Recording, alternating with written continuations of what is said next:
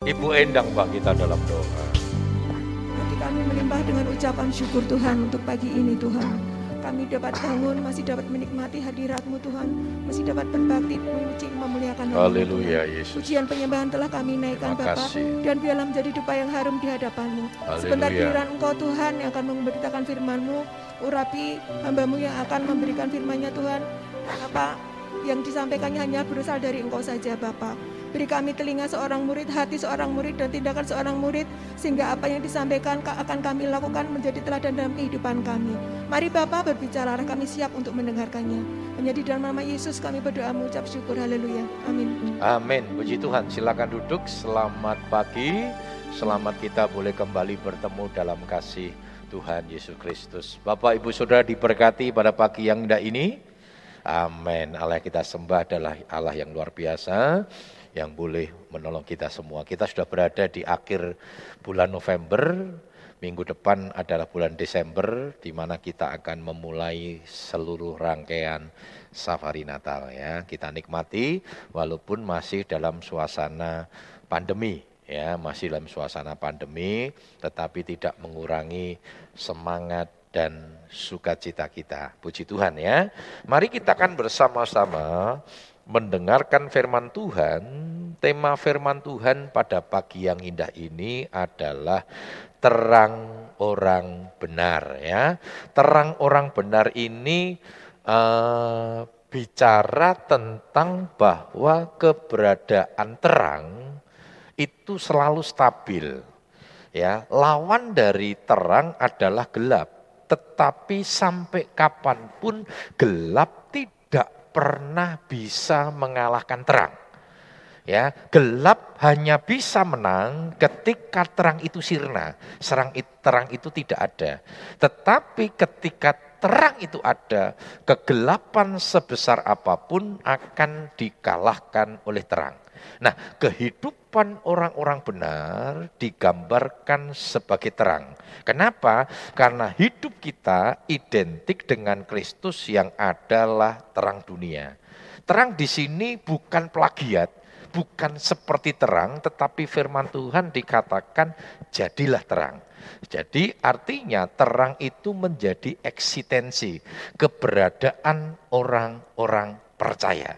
Jadi seharusnya orang-orang percaya tidak akan pernah bisa mengalami yang namanya kekalahan, frustasi, ya seperti firman Tuhan minggu yang kemarin. Kenapa?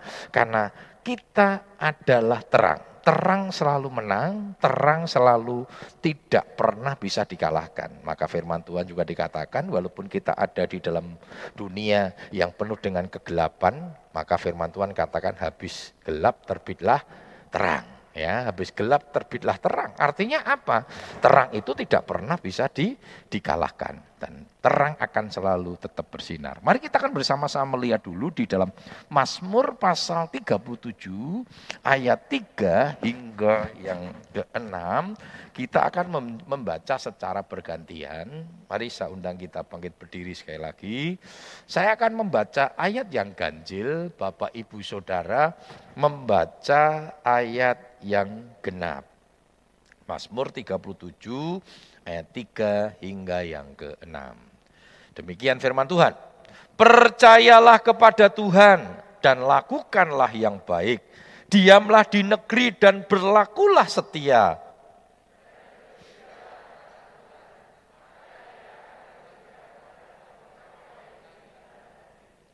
Serahkanlah hidupmu kepada Tuhan dan percayalah kepadanya dan ia akan bertindak.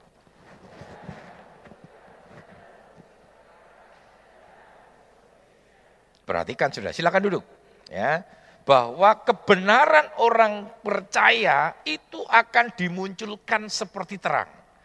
Sekali lagi saya sudah sampaikan di awal tadi bahwa terang itu selalu bersifat stabil. Dia tidak pernah bisa dikalahkan walaupun terang selalu berseteru dengan kegelapan, saudara. Tetapi kegelapan tidak pernah bisa mengalahkan terang. Ya, kegelapan tidak pernah bisa mengalahkan terang. Caranya terang itu disinarkan, saudara. Nah, karena itu bagaimana supaya kita kalah ya? Kita sudah nggak menjadi orang benar lagi. Ya, terang itu menjadi sinar, ya. uh, menjadi menjadi uh, terang itu menjadi sirna ya. Bapak Saudara, nah ini kalau kita melihat dalam kitab Amsal 4 ayat 18 dikatakan dengan jelas di situ bahwa jalan hidupnya orang benar itu akan semakin bersinar ya, bahkan terangnya itu menjadi terang yang sempurna. Kita sedang berjalan menuju kepada kesempurnaan. Karena itu hidup kita sebagai orang-orang percaya harus progres. Ya, Kekristenan bukan sekedar bicara durasi waktu, lamanya waktu. Jangan bangga jadi orang Kristen karena kita sudah punya durasi waktu yang cukup panjang. Tapi banggalah ketika kehidupan Kristenan kita disertai dengan progres, disertai dengan peningkatan, disertai dengan kemajuan. Alkitab memberikan gambaran bahwa peningkatan itu digambarkan dengan kedewasaan rohani. Maka Ibrani katakan jangan seperti anak-anak yang hanya membutuhkan susu, tetapi kita sebagai orang-orang dewasa sudah membutuhkan makanan-makanan keras terus saudara. Kalau kita sebagai orang dewasa terus dikasih susu setiap hari makannya makannya makan yang tidak ada yang lain hanya susu saudara. Kita tidak mengalami pertumbuhan yang baik. Ya, coba kita lihat di dalam Amsal 4 ayat yang ke-18.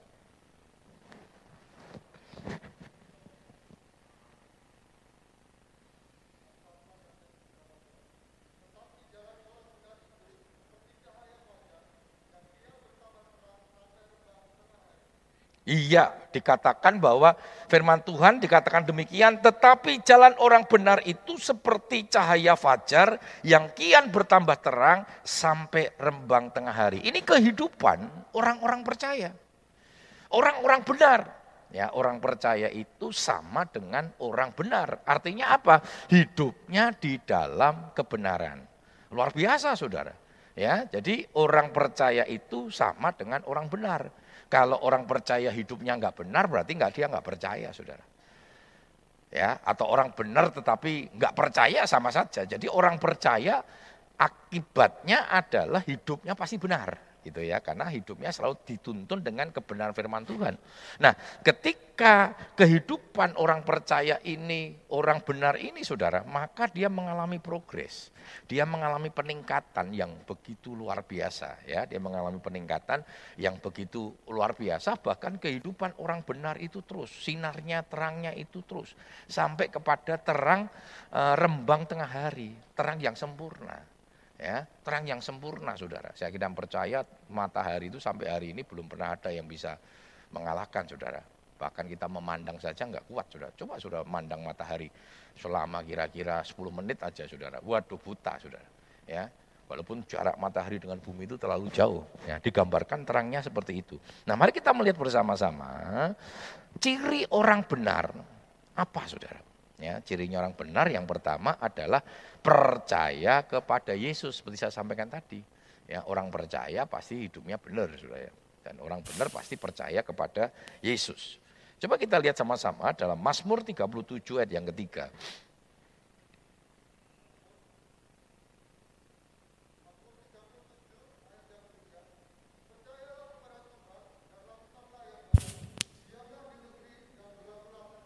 Iya, saya ulang.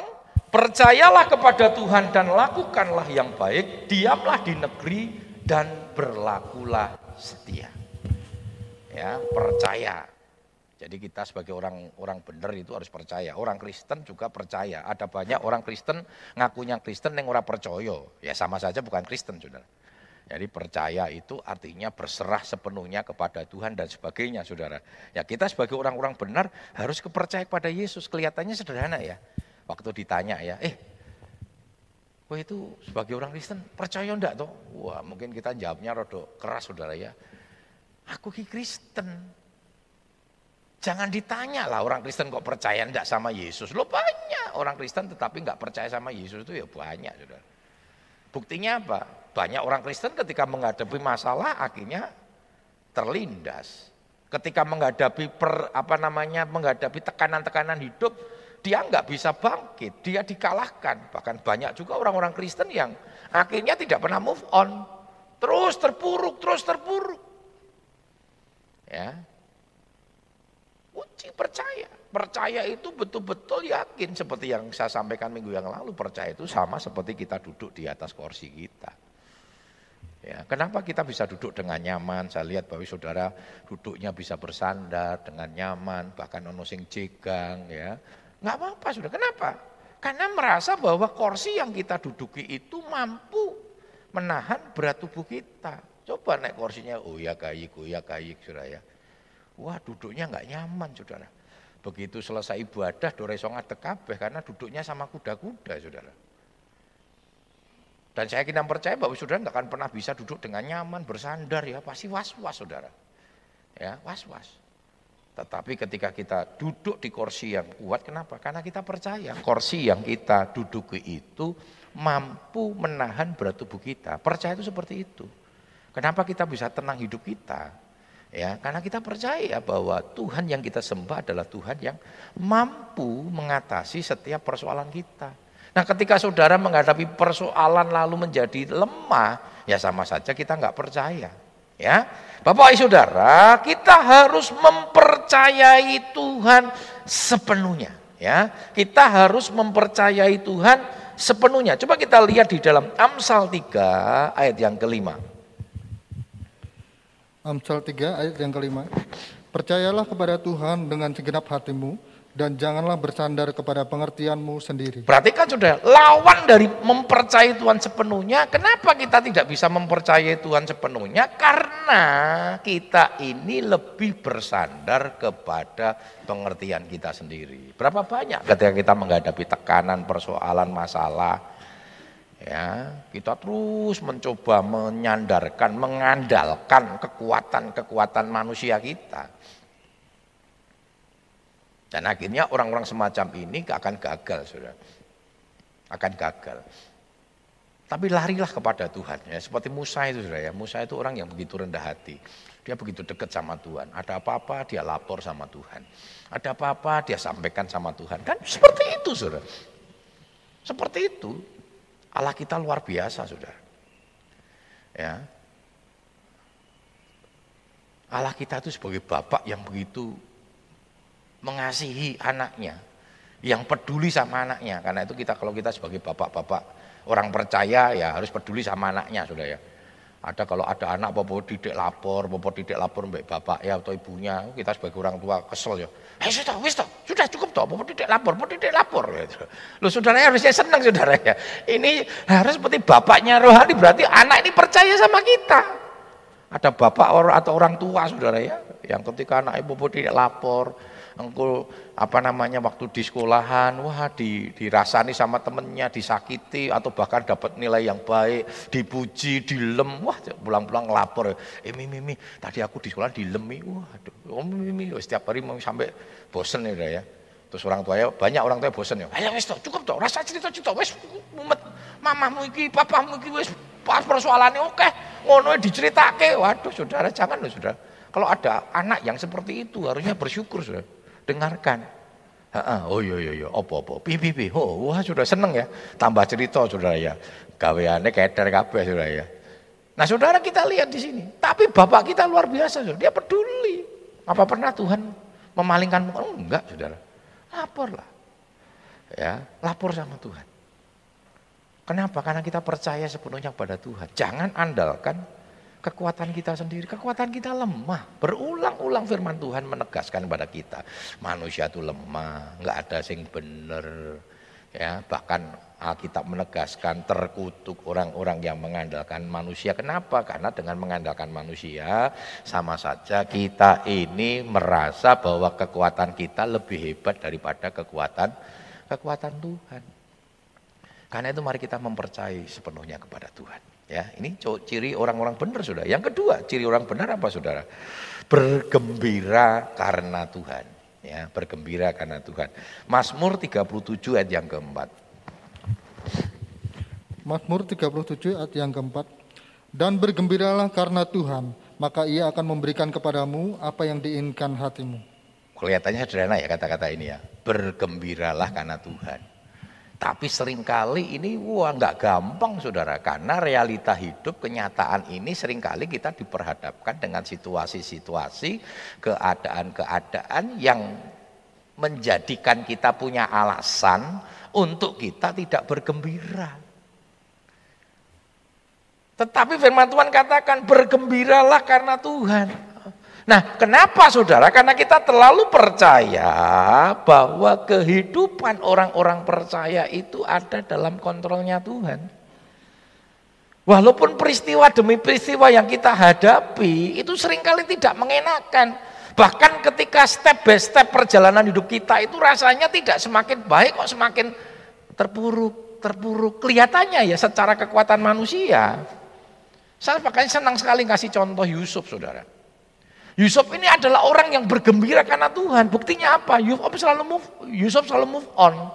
Dia tidak pernah frustasi, dia tidak pernah menyalahkan Tuhan atau menangisi dirinya sendiri, mengkasihani dirinya sendiri. Yusuf bangkit terus. Walaupun kejadian demi kejadian yang dia alami secara manusia kelihatannya tidak menuju kepada satu hal yang baik terpuruk, terpuruk ya. Dari anak seorang bangsawan, anak seorang milioner, triliuner mungkin gitu sudah ya.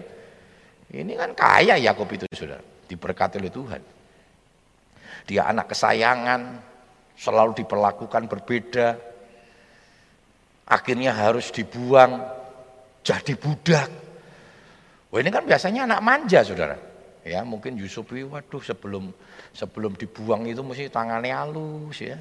Saben dino pedikur, menikur, kukur-kukur Saudara. Wong anak-anak kesayangan orang kaya kan gitu ya. Kan bisa dilihat pakaiannya dibelikan yang berbeda dengan saudara-saudaranya sehingga dia menjadi apa saudara-saudaranya iri sama dia makanya harus hati-hati ya yang punya anak yang lebih dari satu itu harus kita tidak boleh lebih menyayangi ya. Yakub ini harusnya ngerti karena Yakub ini apa namanya akibat dari orang tua yang memiliki sayang yang berbeda. Yakub disayangi ibunya, saudaranya Esau disayangi bapaknya. Akhirnya clash ya, karena saudara memberikan perbedaan itu anak antar anak bisa clash itu ya. Nek anake sing ragil begitu mi jaluk stick kon tuku ya. Ya sudah sana Gojek katanya. Begitu anaknya, "Mi aku ya iya." Elah wis gede awakmu ora usah ben gua adikmu ae. Kowe mbek adikmu ngalah to. Hati-hati sudah ya. Jadi kadang tuh ada ada anak yang apa namanya tidak seneng sama anak ragil tuh karena gitu sudah ya. Karena kadang mesake sing cilik gitu ya. Wis ngalau wae. Padahal biasanya anak gede Saudara, itu kan pada waktu masa-masa perjuangan orang tuanya ya. Anak ragil tuh biasanya sudah mulai sudah mulai apa namanya berhasil gitu ya. Zaman cilik kon rekoso ya. Apa e, minumnya banyu apa? Yang beras itu? Tajin ya, tajin ya tuh wah begitu adik wis rodok lumayan kayak susu ya saudara. Wis gede-gede sik kon ngalah terus saudara ya. ngalah mbek adikmu. Makanya adik itu biasanya secara fisik kalah sama kakaknya, tetapi secara otoritas dia lebih menang saudara. Betul nggak? Ketika dia mulai diganggu sama kakaknya, "Mami!" Oh, wis kekuatannya teko. Jadi secara fisik hati-hati sudah, hati-hati ya. Yang punya anak anak apa namanya lebih dari dari satu itu harus hati-hati ya. Karena fakta-fakta Alkitab jelas itu. Yakub sama Esau ribut gara-gara orang tuanya memberikan sayang yang berbeda. Eh Yakub kok yang ngulang saudara. Yusuf disayang lebih sehingga Yusuf itu dibenci sama saudara-saudaranya, saudara. Nah, ini pelajaran juga bagi kita ya. Berikan kasihmu, sayangmu yang betul-betul apa namanya seimbang lah ya, seimbang. Jangan sampai punya kepahitan. Ada banyak anak, ada banyak uh, yang punya kepahitan dengan orang tuanya, ya, punya kepahitan dengan orang tuanya. Nah, saudara, kita bisa melihat begini. Kenapa? Karena orang ini bergembira, karena percaya saudara bahwa Tuhan itu selalu memberikan yang terbaik. Kalau kita melihat pengkhotbah tiga itu karena kita saat ini belum belum melihat ya. Jangan apalagi jangan pernah mempercayakan Tuhan. Percaya itu artinya kita percaya bahwa Tuhan itu selalu punya niatan yang baik untuk hidup kita, punya rancangan yang baik untuk hidup kita. Kata percaya dalam bahasa Ibrani dalam disebut dengan batah itu artinya kita tidak seudon sudah. Kita tidak pernah punya pemikiran bahwa Tuhan itu merancangkan sesuatu yang jahat kepada kita. Alkitab menyatakan kalau kita berpikir bahwa Tuhan merancangkan sesuatu yang jahat untuk hidup kita disebut dengan sesat. Coba kita lihat sama-sama. Di dalam Yakobus 1 ayat 16 hingga 17 Tuhan tidak pernah memiliki rancangan jahat terhadap orang benar. Yakobus 1 ayat 16 dan 17. Saudara-saudara yang kukasihi, janganlah sesat setiap pemberian yang baik dan setiap anugerah yang sempurna datangnya dari atas, diturunkan dari Bapa segala terang. Padanya tidak ada perubahan atau bayangan karena pertukaran. Iya. Sesat kalau kita berpikir bahwa Tuhan itu merancangkan sesuatu yang jahat. Karena firman Tuhan katakan Tuhan tidak pernah merancangkan sesuatu yang yang jahat. Pemberian yang baik itu datangnya dari Tuhan dan Tuhan selalu merancangkan sesuatu yang baik.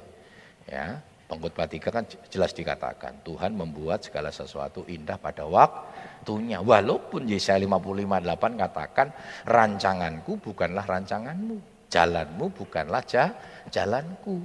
Tetapi sangat percaya bahwa Tuhan itu seorang perancang yang hebat. Seorang desainer yang hebat. Ya, Saudara kita lihat mendesain kita anatomi tubuh manusia aja luar biasa loh sudah. Ya. Hebat sekali ini wah begitu ideal sekali Saudara. Ya, manusia ini kan luar biasa, ciptaan Tuhan yang dahsyat, ciptaan Tuhan yang luar biasa, ciptaan Tuhan yang mulia.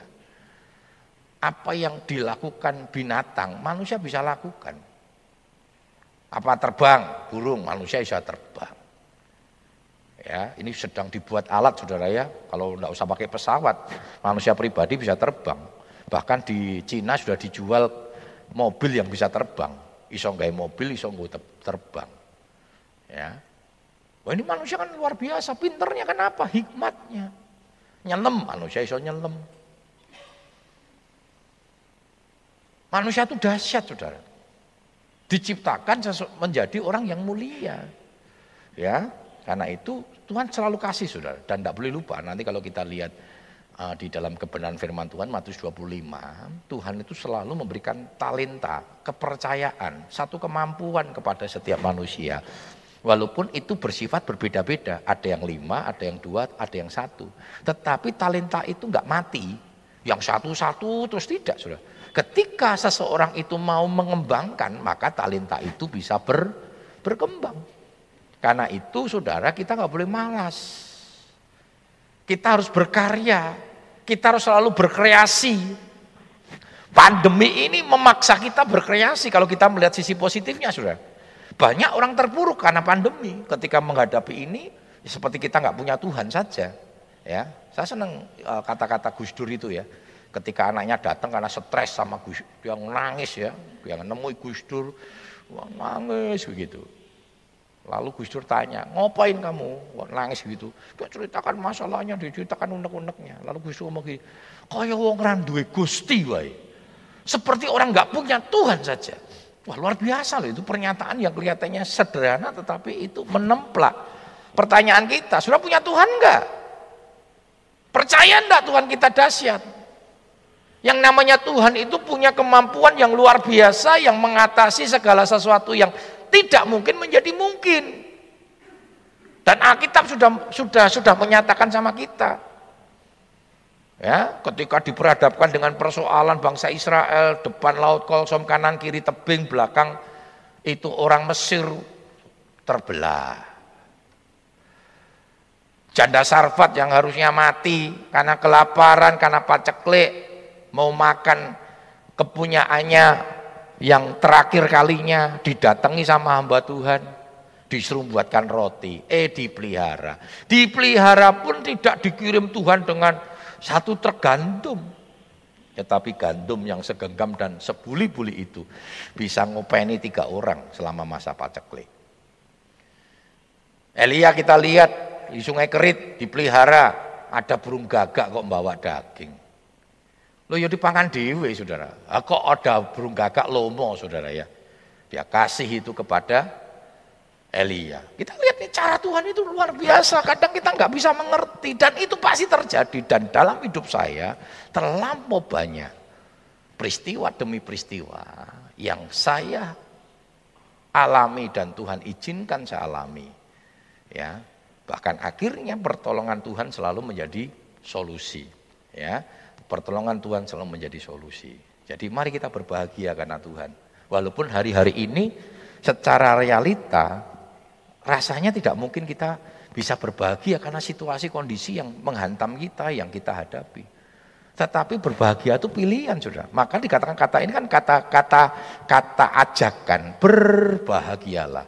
Itu opsional, itu pilihan. Saudara ketika menghadapi persoalan bisa memilih berbahagia atau bisa memilih untuk stres. Sekali lagi itu pilihan. Tetapi sekali lagi saya katakan bahwa ketika Anda memilih stres, ya apakah lalu persoalan itu bisa lalu dari kita? Nah ketika kita memilih berbahagia toh mau milih bahagia atau stres ya persoalan itu harus harus kita hadapi kan. Mari kita memilih untuk kita berbahagia, berarti kita percaya dan menyerahkan itu kepada Tuhan dan percayalah firman Tuhan tadi katakan dia akan bertindak ya. Nah, yang ketiga ciri orang benar berserah kepada Tuhan. Nah, ini sudah percaya lalu bergembira. Kunci yang ketiga berserah Ya, berserah itu menyerahkan secara total kepada Tuhan. Mazmur 37 ayat yang kelima. Mazmur 37 ayat yang kelima. Serahkanlah hidupmu kepada Tuhan dan percayalah kepadanya dan ia akan bertindak. Nah, serahkan. Kalau sudah serahkan percaya dia akan bertindak. Kalau sudah menyerahkan ora percaya sudah Oh Tuhan, tenani enggak ya? Tuhan, tenani enggak ya? Bisa enggak ya? Oh.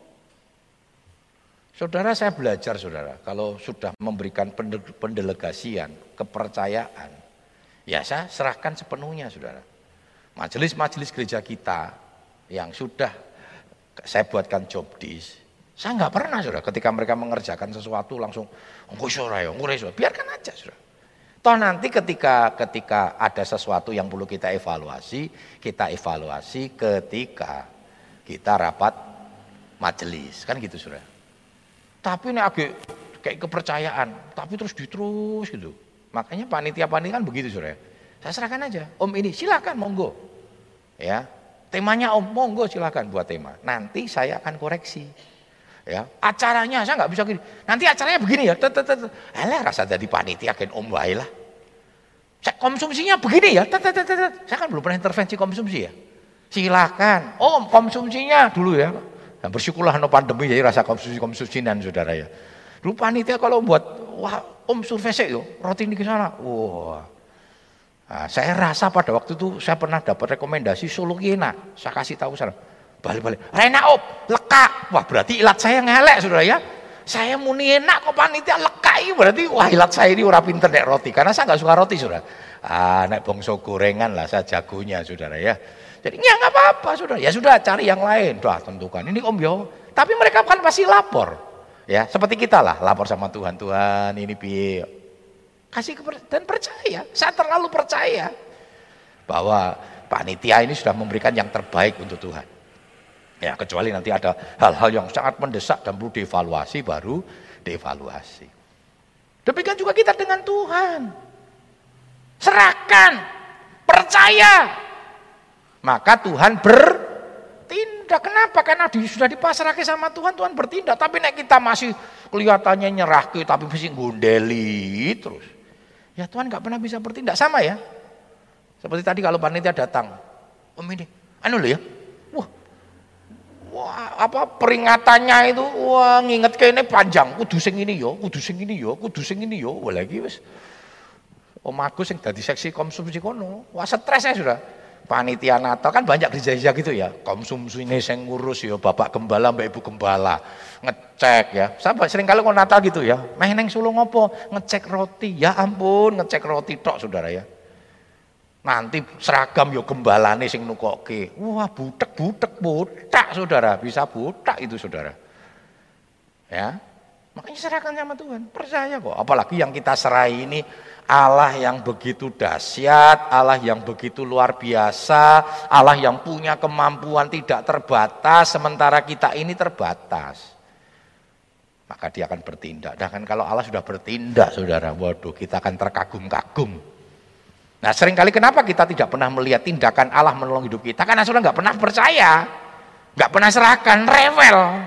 Kita sering kali rewel sama Tuhan, nggak berserah, tunggu aja lah. Tunggu waktunya Tuhan. Wah si urung ya tenang, sabar. Sabar dalam susah sukamu. Sabar, Tuhan ada padamu. Sabar, sabar, beri kuat padamu. Ya, ini lagu-lagu lama yang baru menjadi oleh anak-anak muda ya. Seringkali terjadi gap ya, orang-orang tua bilang, "Om, bagus, aku reso nyanyi." Lagunya hanya kabeh, Saudara ya. Lagu-lagu sekarang ya. Apa ki GCPP ya? Eh, apa? Ya apa lah kono ya, GCC apa apa gitu. Apa ND apa nih? Orang mudeng saya. Makanya berapa kali kita dikomplain saudara. Kan kita nyanyi tidak ngerti ya. Saya tuh ramudeng sing nyiptake sopo dari mana mau nyanyi. Eh dikomplain. Sekarang ada saudara ya. Mulai dikomplain saudara ya. Tidak boleh nyanyi itu kita kan bayar. Bayangin saudara. Nyanyi tok kan bayar saudara. Ya dulu nggak pernah. Coba kalau itu yang menciptakan lagu Malam Kudus saudara. Dia minta royalti. Wuh kaya saudara. Sing gereja kitanya Malam Kudus ya. Belah kita empat kali saudara empat ibadah bayar terus ya saudara ya. Menyanyi malam kudus bayar. Makanya nek kon bayar nyanyine sing panjang gen cucuk saudara ya. Wow, sing suwe sak jam. Nyanyi terus saudara. nyanyi cepisan kon bayar kan ora cucuk saudara ya. Kita empat kali. Ah, lalu panitia menyiasati. Nyanyinya malam kudus cuma di ibadah pertama. Ah, Bapak Saudara yang pengen ibadah pertama datang uh, nyanyi malam kudus datanglah di ibadah pertama. Padahal ibadahnya nanti dibatasi Saudara ya. Yang kedua Rano Malam Kudus, ya repot saudara ya, repot saudara ya. Ya itulah dunia, ya rasanya laki lah saudara. Ya saya bilang begini sama, karena kita ditegur terus saudara ya. saya pertama ramudeng, lu kok ada misalnya ketika saya amati, wah kita ditegur, nggak boleh. Nah, saya bilang begini sama bagian pemusik, karena saya nggak nggak apa saudara. Wis, ora usah dinyanyi ke. Selesai tuh saudara, mungkin kita punya stok lagu banyak. Yang kedua, ciptakan lagu, biar kita kreatif. Kita nggak kreatif ya, ciptakan lagu-lagu, uji buat Tuhan ya. Tapi supaya kita nggak kecolongan buat list, karena saya nggak pernah tahu saudara. Ini ciptaan sopo kan ramudeng ya. Nah itulah itulah kondisi kondisi hari-hari ini saudara ya. Nah kita lihat sama-sama, mari kita belajar berserah kepada Tuhan. Ya, berserah kenapa saudara? Karena penyertaan Tuhan sempurna. Berserahlah kepada Tuhan. Kenapa Tuhan itu penyertanya sempurna? Kita nggak bisa mikir solusi. Kita terbatas untuk ketika kita diperhadapi dengan persoalan, kita sangat terbatas untuk bisa memberikan jalan keluar. Tetapi Allah kita sempurna, saudara. Coba kita lihat sama-sama di dalam Ulangan 31 ayat yang ke-8. Ulangan 31 ayat yang ke-8. Sebab Tuhan, dia sendiri akan berjalan di depanmu dia sendiri akan menyertai engkau, dia tidak akan membiarkan engkau dan tidak akan meninggalkan engkau. Janganlah takut dan janganlah patah hati. Nah, firman Tuhan ingatkan kepada kita, ya. Karena itu jangan takut, jangan patah hati. Kenapa? Karena Tuhan tidak pernah membiarkan, Tuhan tidak pernah meninggalkan. Dia sendiri, orang diwakili. Loh, luar biasa sudah ya. Sebagai orang tua kita terbatas untuk bisa menyertai anak kita. Saya ini yang selalu peduli untuk anak-anak saya, saudara. Ya, kalau bisa kita mendampingi, kita dampingi, saudara. Nah Tuhan kita luar biasa, saudara. Dia sendiri loh, katanya ini, kan penekanan. Dia sendiri yang akan menyertai orang diwakil ke malaikat. Tuhan kan punya ribuan malaikat, jutaan malaikat, saudara. Dia bisa kan mewakili. Enggak, Tuhan berkata orang percaya Tuhan sendiri yang akan menyertai. Oh luar biasa. Saudara. Sadar enggak kita ini disertai oleh Tuhan? Dan penyertaan kan diulang-ulang sudah. Betul nggak? Yesus naik ke surga apa dikatakan? Aku akan menyertai kamu sampai akhir zaman. Saat ini Tuhan beserta kita kalau engkau orang percaya. Jadi nggak perlu takut. Pandemi boleh datang, apa pun boleh datang. Tetapi tidak membuat kita tidak bahagia. Jangan takut saudara, mati bukan urusan kita. Mati urusan Tuhan. Saudara tidak mau berbahagia, nek meh, sudah waktunya mati, oh mati saudara. Nggak ada yang punya otoritas itu kan. Mati ada di tangan Tuhan, sudah saudara. Karena itu nikmati hidup dengan terus sukacita. Kalau kita masih hidup hari ini kesempatan. ya. Karena ada satu kali kita kan memang dipisahkan. Kan firman Tuhan ngomong, kelak ada tangisan. Tangisan selamanya. Dikatakan suami dan istri tercerai. Anak dan orang tua tercerai. Sahabat tercerai. Tercerai bisa karena penghakiman, tercerai karena memang yang ada di dalam dunia ini tidak pernah abadi. Pasangan suami istri satu kali kelak akan ditinggalkan oleh istri atau suaminya. Dia harus berpulang lebih dulu mana saudara? Kita nggak pernah tahu.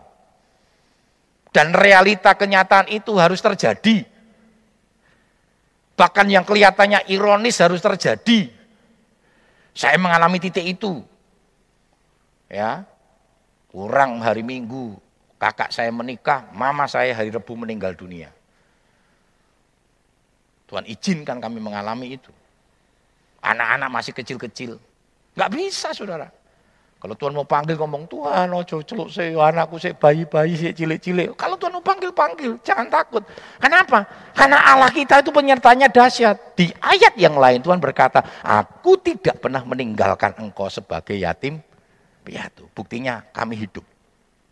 Walaupun pada waktu melihat kejadian dulu, so, aduh piye, saya lihat adik saya masih kecil, sekolah ayah saya tidak move on pada waktu itu, cukup lama dia terpuruk di dalam kekecewaannya.